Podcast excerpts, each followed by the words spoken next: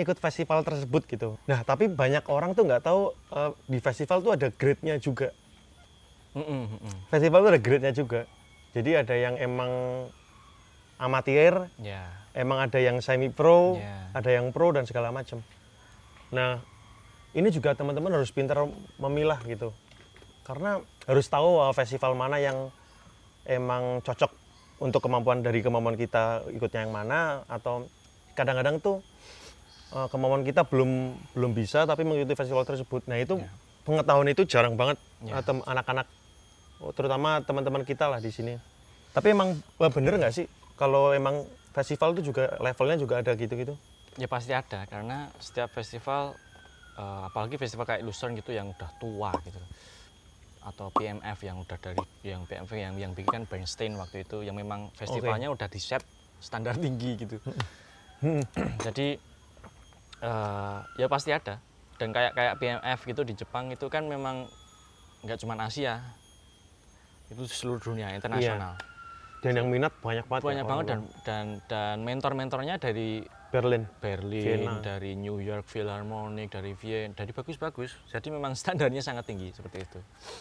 Beda Jadi- dengan beda dengan Asian Youth Orchestra. Jadi level itu bisa dilihat dari siapa mentornya, eh, seberapa lama mereka membuatnya, Oke. mereka eh, umurnya itu berapa, Festivalnya ya? festivalnya.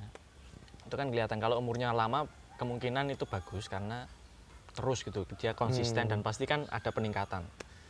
Gitu sih bisa dilihat dari situ. Sama konduktor mungkin ya? Ya kondaknya ya. Sama konduktor. Kalau ngomongin orkestra ya, kalau ada orkestranya festivalnya itu.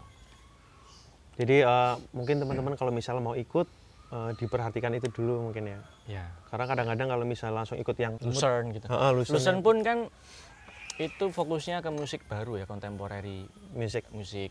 Jadi malah nggak ada orkesnya kayak kayaknya ya, kayaknya Hmm. saya juga nggak level di sana.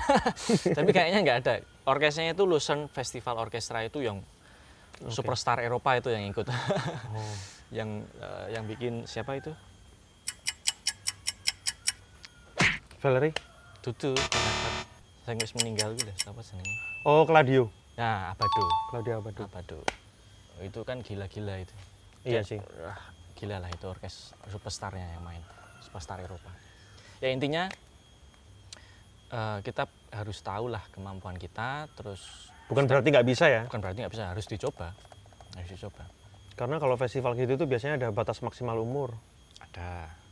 Ada. ada. Tapi ada PMF itu kayaknya 30-an lah, 35 kayaknya Oke. maksimal. Jadi saya masih bisa. Loh, emang umurnya berapa? Eh, hampir. hampir mentok. Hampir mentok. Tapi masih bisa. Hmm. Kalau ngomongin festival tuh, aku tuh banyak banget belajar.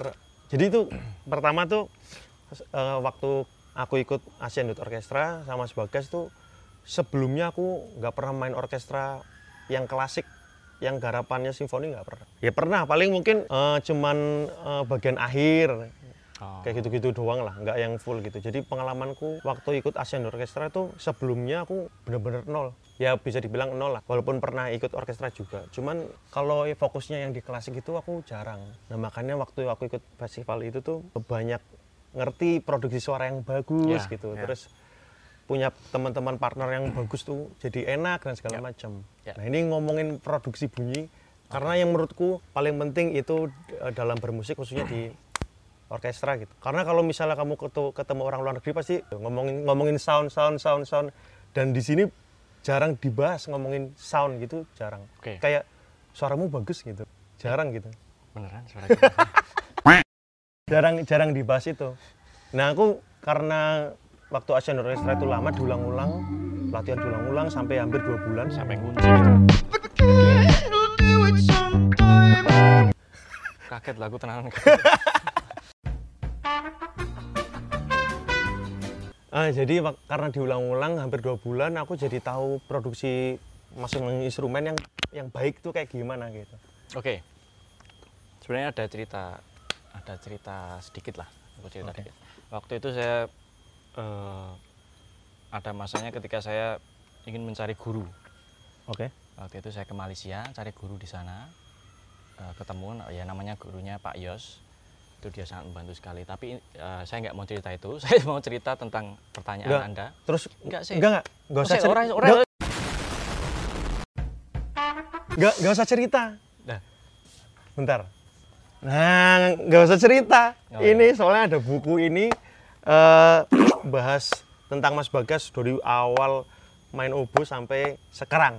Nah, ini jadi nggak usah cerita. Kalau teman-teman mau, mau tahu langsung beli di AMT. di bawah ini AMT Publisher ya.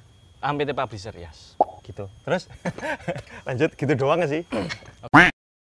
ya intinya saya saya mau cerita dikit di dalam buku ini cerita sepenggal lah biar kelihatan menarik bukunya Ada yang beli juga. ada yang beli Em, waktu itu ya saya cari guru di Malaysia terus intinya eh, nyambung ke pertanyaan tadi tentang produksi, Produksi suara. bu. Heeh.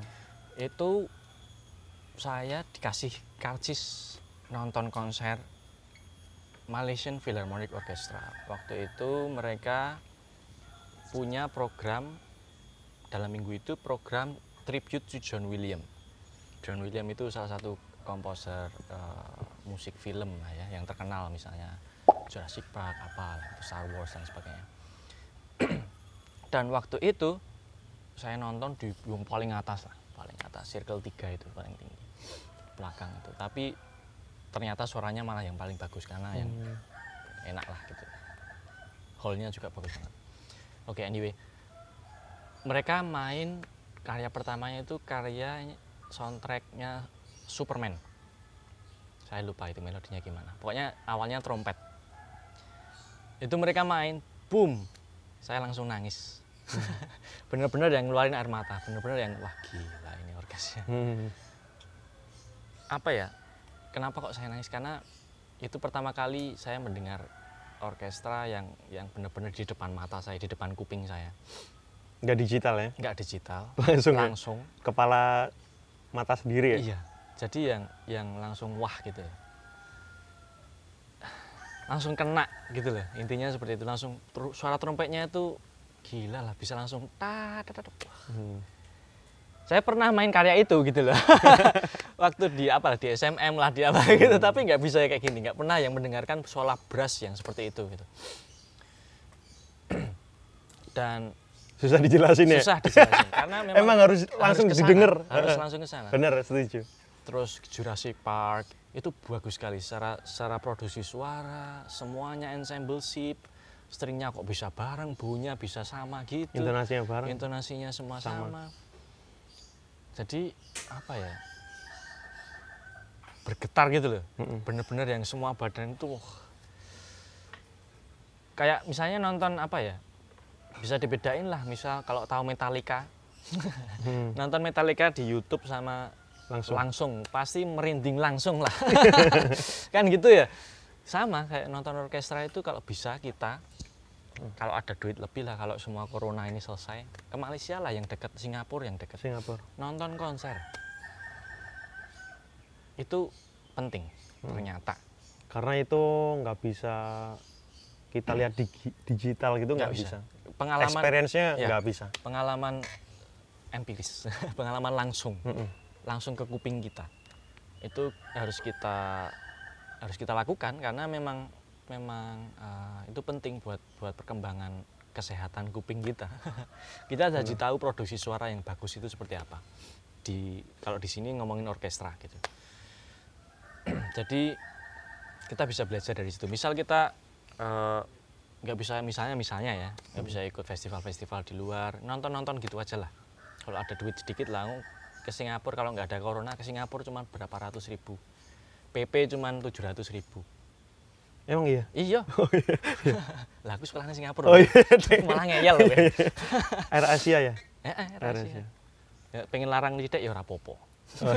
bisa Iya sih benar-benar. ya maksudnya murah gitu nggak nggak mahal banget Ya sekali kalau teman-teman sekali ngejob lah ya. ya Nah, gitu kan kan, bisa langsung, langsung. berangkat kau karcis karcis nonton konser aja cuman kalau di rupiah berapa ya? 200 ribu lah. Heeh. ah enggak ding itu yang buat student.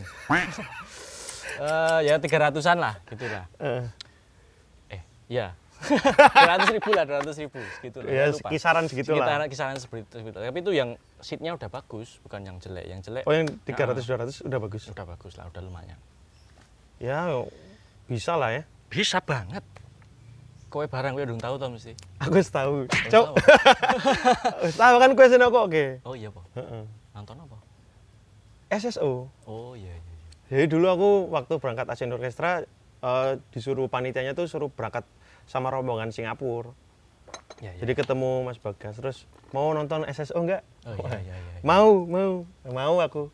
Itu programnya piano konsertonya siapa terus sama eh, Romeo Julietnya. Hmm, Bum, Pap, Bum, siapa Prokofiev. Nah. dan di situ enak banget aku sam- sampai tidur guys. Sampai tidur enak banget. Suaranya enak banget. Iya. Ya itu emang pengalaman kayak gitu emang harus di apa ya dilakukan secara langsung. Karena Apalagi- penting. Kalau penting. kamu ngomongin produksi suara ya kita nggak nggak bakal tahu kalau kita nggak mendengarnya sendiri gitu. Nah, jadi kayak kita nggak tahu ini produksi suara yang bagus kalau kita belum pernah yang denger yang bagus ya ya ya Nah, kan? ya Nah, soalnya kebanyakan ini agak nyindir dosen-dosen tapi ya, ya. Aduh, rame-rame. Bos, bos. nggak apa-apa ya rada-rada nyindir rapo Enggak, Pak. kan Enggak. peningkatan bersama kita gunanya bikin podcast seperti ini kan juga tit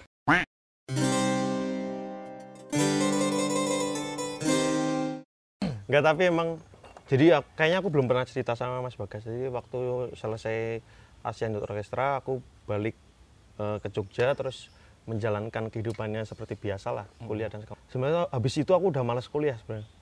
ya Males kuliah karena udah kayak aku kayaknya nggak dapet apa-apa ya waktu kuliah gitu. Jadi posisinya tuh aku marah gitu, amarah doang gitu. Kayak aku setelah dengerin Asian Orchestra mainnya kayak gini, terus teman-teman perkusiku levelnya segini, padahal sep- sepantaran, terus balik ke sini, terus kenyataannya kayak gini, jadi kayak aduh males banget gitu, males banget buat melanjutkan. Tapi waktu itu aku memutuskan udah nggak apa-apa gitu, nggak apa-apa. Eh, aku juga pengen buktiin kalau misalnya walaupun yang di sini nggak begitu eh, disupport, eh, mungkin pendidikannya nggak begitu disupport dan segala macam fasilitas segala macam, tapi aku aja bisa gitu. Nah, kan Mas Bagas juga bisa langsung masuk Yunusito dan segala macam. Itu jadi apa ya? Jadi mungkin kayak kebanggaan juga kalau misalnya aku bisa ngalahin or, apa, mahasiswa yang di Jepang gitu untuk daftar Asian Orchestra itu udah pride juga kayak lumayan juga ya. Padahal kita latihan ruangannya panas terus berisik. Tapi ternyata bisa.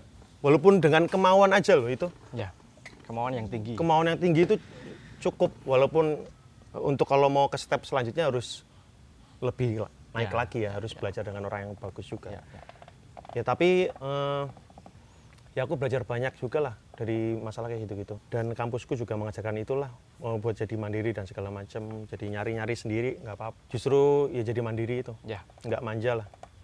Begitu. Jadi emang balik lagi ke produksi suara menurutku emang banyak mungkin banyak atau mungkin saya juga nggak tahu produksi suara yang bagus jadi terbiasa tuh loh. Ya. selama latihan kita ngulang-ngulang itu mungkin oh kayaknya ini yang produksi suara yang paling bagus deh. Padahal waktu kita ikut eh, orkestra mungkin di luar ketemu teman-teman ternyata paling jelek. Ya. kayak gitu gitulah memang harus apa namanya ketemu langsung ya. Nonton terus nggak bisa lah di- digital kayak gitu. Intinya kalau kita ngomongin orkestra kita kita kan bukan budayanya kita gitu loh. Benar. Jadi kita memang harus belajar di luar belajar dari orang-orang yang dari sana gitu. Atau paling enggak orang-orang yang sudah pernah belajar di sana atau Benar. yang gimana gimana lah. Jadi kita nggak bisa sok tahu gitu. Kita nggak bisa eh, yang benar jangan seperti ini gitu menurut saya ya. Jadi kita juga nggak bisa yang eh, cuman di sini aja gitu loh jago kandang gitu kasarannya. Kita harus kalau kita tahu kita bisa ya keluarlah gitu loh sebenarnya. Metuwo eh keluarlah. Biar tahu yang yang yang yang bagus yang bagaimana yang benar yang bagaimana yang, Yang salah semestinya gitu. yang, eh, yang salah yang bagaimana. Jadi kita uh, nggak membudayakan sesuatu yang salah gitu loh. Kita benar. kita jadi ngunci gitu loh tun suara yang seperti ini itu yang benar sebenarnya. Ternyata enggak gitu. Ternyata gue duduk timpani jebul harus di Hmm, posisi yang seperti apa gitu. Yang benar Hmm. suaranya yang seperti ini atau gestur yang gimana. Gitu gitulah gitu kita taunya kalau kita melihat langsung mencari guru yang bagus mentor yang bagus atau minimal nonton konser yang bagus. Mm-mm. gitu sih menurut saya. Karena itu penting sekali yang di sini nggak ada Mm. jujur aja di sini nggak ada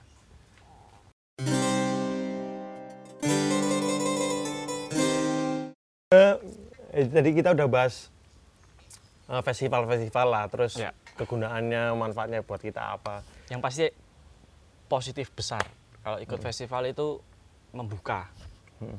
sangat-sangat membuka diri Bener. Terus eh, gini, eh, mungkin banyak orang nggak tahu masalah pekerjaan di orkestra.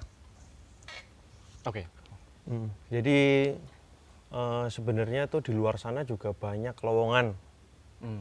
lowongan orkestra dan segala macam. Mungkin tapi teman-teman di sini mungkin ada yang belum tahu segala Ya, macam. ya. Kan ada yang kayak ah, habis ini aku ngapain gitu. Hmm. habis ini aku ngapain terus ini padahal tuh banyak lowongan ya lowongan-lowongan orkestra yang di luar sana yang open open kayak gitulah. Ya. nah informasi kayak gitu kan kita nggak tahu mungkin beberapa nggak tahu. Terus kayak kayak gimana sih posisi kita daftar kerja gitu? Kalau di profesional orkestra tuh kita harus mempersiapkan apa? Terus posisinya ntar kayak gimana? Kondisinya kayak gimana? Terus kita harus biasanya disuruh ngapain sih? Main apa? Dan segala macam Nah, Mas Bagas kan salah satu orang yang eh, berhasil lolos eh, di orkestra profesional di Hanoi. Nah, itu mau bisa nggak sharing kayak gitu-gitu?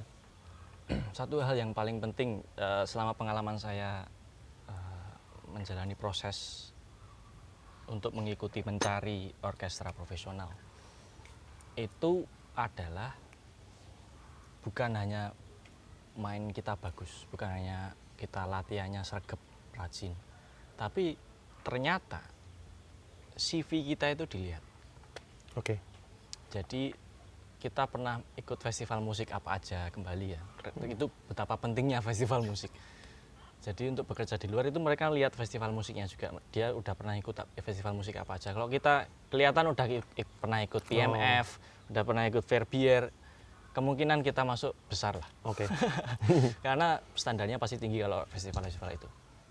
Apalagi ditambah pas audisi kita mainnya bagus, sudah pasti keterima. Itu CV karena eh, Sangat atau- memengaruhi ya? ya resume atau CV atau apalah itu sebutannya penting karena mereka punya kalau orkes saya punya round round one-nya itu ronde pertamanya itu audisi CV Oh, mungkin pada nggak tahu kalau audisi itu emang ada ronde-ronde gitu ya? ada, ada Kayak ronde-rondenya. kompetisi ya? ada kayak kompetisi Ronde satu, semifinal, final gitu kan? betul tapi di orkes saya beda orkes saya ronde satunya itu CV nggak main Oh ya? Iya. Jadi kalau CV-nya dalam apa ya kosong gitu ya, walaupun ada sekolah di mana, apa bekerja di mana, tapi misalnya sedikit atau Sedikit. pengalamannya sedikit, Oh. pengalaman bekerjanya sedikit atau pengalaman ikut festivalnya sedikit dan nggak ternama gitu ya, ya Jadi langsung langsung dieliminasi Oh. karena satu membuang waktu nanti. Walaupun dia mainnya bagus tapi dia pengalamannya kurang gitu. Hmm. Kayak gitu-gitulah. Berarti emang penting banget dong Penting. untuk makanya- kerana pekerjaan gitu. Betul, penting. iya, penting. Karena ya itu nanti ya saya jelasin ya. Itu sepenting it- itulah CV dan resume karena karena dilihat pasti, dibaca.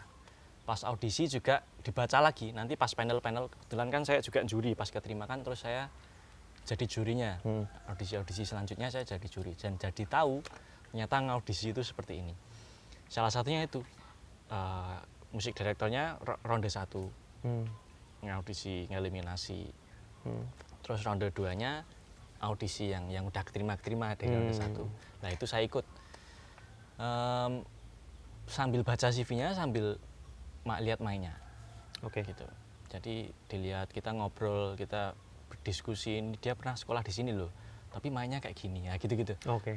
tapi Jadi dia banyak pernah pertimbangan ya? nah kita pernah dia pernah ikut festival ini gini gini gini. Coba lihat accept yang lain gitu. Hmm. gitu gitulah coba lihat eh, selanjutnya gimana selanjutnya gimana jadi banyak pertimbangan dan dan yang main ternyata bagus-bagus memang. Kayak gitu gitulah jadi nggak cuman mainnya doang.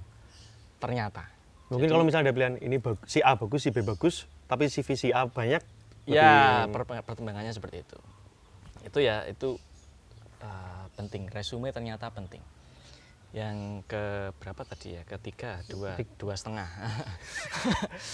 Em, rekomendasi rekomendasi ini bukan nepotisme. Ini suatu hal yang ternyata penting juga. Hmm. krusial karena yang audisi itu perlu tahu gitu loh perlu tahu eh, orang ini siapa sebenarnya gitu loh. Yang audisi ini siapa. Dan orang yang rekomend jadi tahu jadi memberitahu gitu loh. Ini eh, murid saya misalnya dia gurunya orang hebat ya. ini murid saya bisa dipercaya dan sebagainya dia orangnya seperti ini seperti ini, seperti ini. jadi orang yang audisi kan nggak bisa ngomong seperti itu saya itu orangnya yang bisa dipercaya gitu Hmm. Nah, yang rekomend ini yang Taunya dari surat rekomendasi. Ah, surat rekomendasi ya rekomendasi itu penting sekali kayaknya di semua pekerjaan sama Oke. salah satunya di untuk mencari pekerjaan profesional surat rekomendasi atau sekolah pun Iya mau benar. sekolah di luar perlu surat rekomendasi karena penting sekali jadi bocah ini eh anak ini Anak ini. anak ini punya potensi besar buat sekolah di sini karena dia keinginan belajarnya tinggi dan Hmm. sebagainya gitu kan pasti yang Terus yang ngomong tokoh lagi, ya tokoh yang yang, terkenal. yang, yang ngomong yang rekomend tokoh yang terkenal atau bagus atau makin yang baik plus ya. ya makin makin plus pasti jadi ini bukan bukan jembatan untuk Bukan orang Bukan- dalam, bukan orang dalam bukan ini bukan tapi informasi itu memang dibutuhkan dibutuhkan. dibutuhkan untuk yang audisi yang jadi juri Mm-mm. jadi ada ada yang beritahu gitu loh. Mm-mm. jadi seperti itulah. Selain mainnya memang harus bagus ya. Itu yang nomor satu tadi ya. Mainnya harus bagus memang. Harus prepare semuanya harus prepare Hmm. dan sebagainya. Terus yang keempat kalau mau mencari informasi pekerjaan di luar itu di mana sih gitu kan kita kadang nggak tahu kan.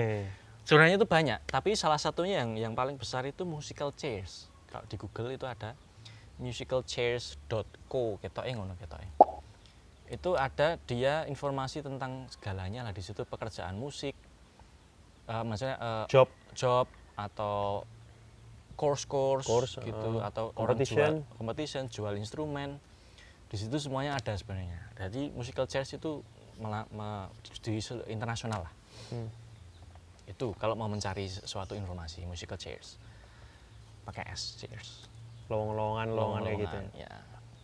dan spesifik sekali violin berapa lowongannya Oh iya benar. apa instrumen apa berapa Hmm. lowongannya nanti kelihatan semuanya dan orkes-orkes itu yang daftar ke situ kalau mencari info mencari seating gitu ya Mm. orkesnya yang daftar ke musical chairs Oh, Oke. gitu gitu gitulah jadi otomatis itu kita nggak perlu nyari-nyari yang susah-susah nggak perlu ke orkes ke orkes gitu jadi satu Oh, web iya. web aja udah kelihatan gitu Hmm. orkesnya yang mana aja yang buka Oke. dan itu seluruh dunia. Nggak cuma Asia nggak cuma Amerika dan sebagainya. Itu. Terus yang perlu dipersiapkan di pertanyaan tadi ya. Yaitu eh, sebenarnya ya ini juga yang perlu kita camkan baik-baik kepada teman-teman dan pengajar-pengajar di Indonesia. Kita tuh nggak tahu excerpt penting. Excerpt itu apa ya? Eh, Potongan? potongan-potongan melodi atau potongan frase Di dalam di sebuah dalam simfoni. sebuah simfoni atau karya-karya solo, gitu. karya-karya di instrumen tertentu itu kita nggak ada yang ngajarin di sini Hmm.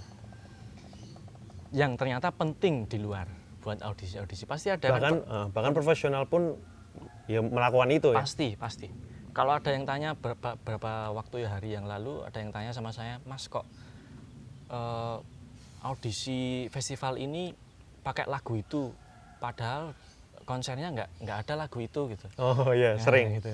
Iya iya. itu kenapa Nah, ya, karena aku iki excerpt Khusus ya kan. khusus karena aku Untuk instrumen tersebut. kenapa excerpt itu dipilih itu ada alasan tertentu bukan bukan karena pengen main karya itu jadi excerptnya harus itu Ya. enggak jadi yang dilihat itu musikalitas kita yang dilihat itu teknik kita jadi excerpt excerpt itu dipilih khusus standar internasional Hmm. karena memang untuk dilihat eh, seberapa level kita gitu Hmm. seberapa tahu pengetahuan kita tentang excerpt itu Hmm. pas kita main itu apakah kita tahu kita main sama siapa aja dan sebagainya pas audisi biasanya ditanya seperti itu pas kita main excerpt itu kue main karo sopo Hmm. kue main apa melodi ini sopo eh, sing iringi sopo gitu. Oh, itu kan kita eh, juri-juri perlu tahu pengetahuan kita di situ juga gitu jadi em, penting excerpt excerpt pengetahuan excerpt excerpt di instrumen kalian gitu instrumen apa perkusi timpani iya. pasti ada Emang excerpt standar hmm, emang jarang banget dibahas. Saya sini, nggak- di sini. nggak ada yang ngajarin di sini Oh iya, Deng. Nggak jarang, Deng. Nggak ada, Deng. nggak ada yang ngajarin di sini tuh nggak ada Jadi itu kalau jadi perjelas lagi ya. Jadi kalau misalnya untuk mendaftarkan, ya kalau mau kalian mau daftar festival, eh, terus Sekolah. pekerjaan, sekolah, itu kalau konservatori atau klasik itu pasti ada kita disuruh memainkan excerpt potongan-potongan Ya. dari simfoni atau solo apa Ya, gitu. ya. dan, itu, standar pasti dan itu standar. pasti pasti selalu itu yang luar Nah, biasanya makanya tuh kan biasanya ada buku kayak eh, excerpt buat obo tuh udah satu Ya. paket apa aja sih biasanya kalau audisi obo terlalu ya, gitu. ya, ya. Kalau violin apa biasanya Don Juan. no, no. Ya, ya, ya, ya. Kalau perkusi itu apa? semua string itu biasanya. Nah, Don Juan string gitu Strauss, biasanya ya. main gitu. Nah emang itu emang jarang jarang nggak nggak dibahas ding. Iya, Nggak siapa jarang. ya, yang yang mau ngasih tahu di sini siapa dan yang ngajarin siapa nggak ada di sini. Iya itu Ya. juga. Ya jujur aja loh, ya, yang, yang- jujur aja ini bener-bener nggak ada. Terus yang yang, bikin yang yang membuat kelas excerpt tuh nggak ada di sini. Nah, Aku nesu emosi. terus emang bener aku Karena itu penting ya, penting, Penting. banget, krusial. eh, beberapa kali daftar kayak sekolah terus festival kayak gitu tuh pasti ada accept dan aku nggak nggak tahu mainnya gimana karena aku nggak pernah main simfoni itu. Ya. Nah makanya kenapa aku pengen banget keluar, aku pengen main karya-karya simfoni kayak gitu-gitu. Karena di sini aku nggak nggak bisa main itu. Mungkin belum ada kesempatan kan karena ya orkes kampus juga aku maksudnya jarang. Terus juga kalau di Jakarta juga aku nggak begitu sering main. Pokoknya kayak gitulah.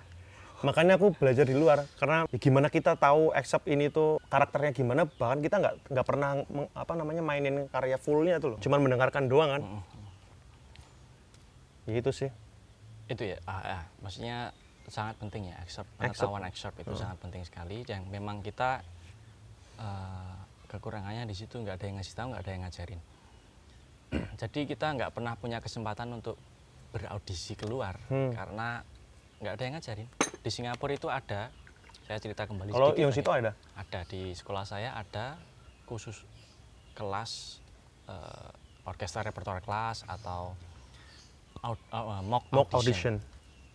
Mock audition itu audisi yang nggak beneran jadi Eh, latihan audisi. cuma latihan ya kayak kita diajari gimana cara berjalan Hmm. memasuki ruangan audisi kita diajari eh, menyapa sampai Hmm. segitunya gitu jadi nggak cuma mainnya Oke. kita Menarik. diajari mm-mm, kita berattitude yang baik kita diajari nggak biar nggak kelihatan nervous gimana caranya gitu gitulah Hmm. sampai segitunya gitu loh di sini ya mana yang ngajarin siapa Iya. Aku juga pernah dapat mock audition waktu ikut festival. nah Jadi besok ada mock audition, aku nggak ngerti mock audition Iya, apa. Oh, ternyata suruh audisi gitu, Audisi, latihan iya, audisi gitu. latihan Ntar dinilai juga. ya Jadi kita main accept-accept kayak gitu. jadi Jarang dibahas ya. bukan jarang nggak ada Oh ya, deh nggak ada, sorry, nggak ada. itu harus di garis bawah nggak ada di sini Nggak ada yang dibahas. Tenanan Padahal buat kerja kita harus belajar itu. itu yang dimainkan tuh itu Bukan konserto apa gitu. Ya ada pasti Ada, itu ada tapi standar yang Hmm. biasanya standar misalnya kalau obo ya Mozart itu pasti bagian Hmm. satu bagian dua Sama Walaupun- accept-accept lah ya. sama accept, accept. pasti itu pasti dan kita harus perlu perlu memahami itu itu penting sekali jadi ini informasi penting jadi kalau teman-teman pengen tahu audisi itu gimana ya itu orkes-orkes walaupun beda ya setiap orkes itu pasti eh, nggak nggak selalu sama gitu tapi accept, Beda-beda. accept itu selalu keluar secara Pasti ada yang mainstream lah yang oh, pasti ini keluar lah. accept mainstream itu pasti keluar dan itu kita perlu pelajari dan pahami dan latihan Ya, jadi eh, mungkin teman-teman mulai sekarang bisa latihan accept ya. Ya, karena Mulai itu dari lebih, sekarang. lebih menurut menurut saya lebih realistis realistis lebih apa lebih krusial lah Hmm. di kehidupan kita. Jadi nggak nggak bleber ke mana-mana gitu. Mm. kita belajarnya aku pengen belajar ini nggak selesai pengen belajar ini nggak selesai. Ya udah accept aja lah yang penting-penting gitu loh. Efektif efisien. Walaupun nggak ada yang ngajarin nggak apa-apa belajar dewe. Belajar sendiri. Ya mau nggak mau kayak lihat YouTube bagian ini gimana sih Ya. frasenya gitu-gitu. Gitu sih. Berarti kalau mau daftar kerja orkestra di luar tuh yang harus disiapkan CV penting. CV yang penting eh, pengalamanmu dan segala macam. Jadi berarti percuma ya kalau misalnya ada orang mainnya bagus banget tapi kan ono sing nerd ya ada yang nerd gitu ngerti nggak sih? Kayak Ya. dia menyendiri lah tapi bagus banget. Tapi kalau misalnya nggak pernah ikut acara kayak gitu juga kayaknya nggak begitu ini nggak ya. bisa. Nggak seimbang ya? Nggak nggak seimbang. Karena pengalaman mengikuti festival itu kan penting sekali pengalaman. Apalagi kalau udah kerja pernah kerja Hmm. berapa tahun di mana gitu kan penting bisa dilihat. Berarti Hmm. dia pernah kerja karena yang dilihat itu nggak cuma main. Attitude iya sih attitude. attitude. pengetahuan musiknya pengetahuan main profesional di orkestra. Kayak di Asian Youth Orchestra kan kita diajari berattitude sebagai musisi profesional gitu. Iya benar. Disiplin waktu dan sebagainya gitu kan diajarin. Hmm. dan itu kan lama prosesnya kan kita camp lama ya. Hmm. jadi kita tahu gitu loh prosesnya. Jadi nggak cuma main bagus doang karena itu percuma menurut saya. Oke. satu lagi yang yang informasi paling penting yang saya perlu beberkan orkes-orkes level misalnya Singapore Symphony, Malaysian Philharmonic dan sebagainya mereka mencari pemain yang eh, yang udah tahu siapa itu gitu. Hmm. jadi bukan lagi stranger Hmm. karena udah nggak mau membuang waktu lagi walaupun audisi misalnya ini bukan nepotisme sekali lagi ini bukan bukan nah, aku kenal misalnya prinsipnya kenal sing dijupuk murid-murid TDW gitu loh. Hmm. yang diambil muridnya sendiri karena memang udah tahu dia attitude-nya gimana mainnya gimana muridnya sendiri lagi gitu. Jadi lebih enak daripada mengambil musisi dari luar yang nggak tahu ini siapa ntar attitude-nya gimana. Hmm. jadi nggak mau eh, berkenalan lagi. Resiko gitu. Nggak mau secara musik secara ensembleship nggak tahu gimana nanti belajar Benar. lagi proses lagi. Capek kalau orkes-orkes level mereka kayak misal di Berlin misalnya pun itu kan ada ka- akademinya mereka Hmm. jadi yang nerusin ya akademi akademinya Oke. pasti seperti itu jadi ya ya di mana-mana kita memang harus berjuang untuk uh, menjadi nggak cuma menjadi pemain yang bagus tapi juga berattitude yang bagus Hmm. menjadi uh, model yang uh, profesional gitu kelihatan kelihatan uh, role model yang profesional. Kelihatan Hmm. uh, orang ini bisa bertanggung jawab reliable gitu gitu bisa dipercaya. Jadi sekali lagi nggak cuma mainnya bagus kalau di orkestra profesional. Masuk akal sih karena kita juga main nggak sendiri ya. Ya. Main bareng-bareng. Betul. Emang harus attitude penting sekali. Hmm. karena di orkes saya pernah terjadi ya apa ya kasus-kasus misalnya dia attitude-nya nggak baik nggak perlu aku ceritain gimana nggak baiknya tapi bisa dibayangkan lah misalnya seperti itu eh, langsung di cut gitu. Hmm. itu resiko sih memang. Di mana lah itu kalau bekerja di kantor juga kan kalau attitude-nya nggak baik pasti di kamu ngapain? gitu. Loh. Hmm, sama sih. di orkestra profesional juga sama. Oke. Makanya emang kayak apa link-link kayak gitu emang sangat mm, sangat mempengaruhi besar bu- bukannya apa ya makanya mereka harus biasanya kenal dulu sama kita gitu-gitu ya Ya, tapi bukan berarti eh, kita nggak ada kesempatan. Ada, ada. Wong saya bisa, Oh, gitu. Iya sih. Walaupun proses lah, pasti ada prosesnya, ada eh, ada masanya, ada masa berjuangnya, ada Hmm. masa getihnya, berdarah-darah gitu. Tapi harus kita lakukan semua sebenarnya. Mm. Dan bukan berarti saya sudah mencapai sesuatu ini, bukan. Ini saya juga masih berproses gitu. Semua berproses dengan proses sendiri-sendiri. Dan itu penting. Oke.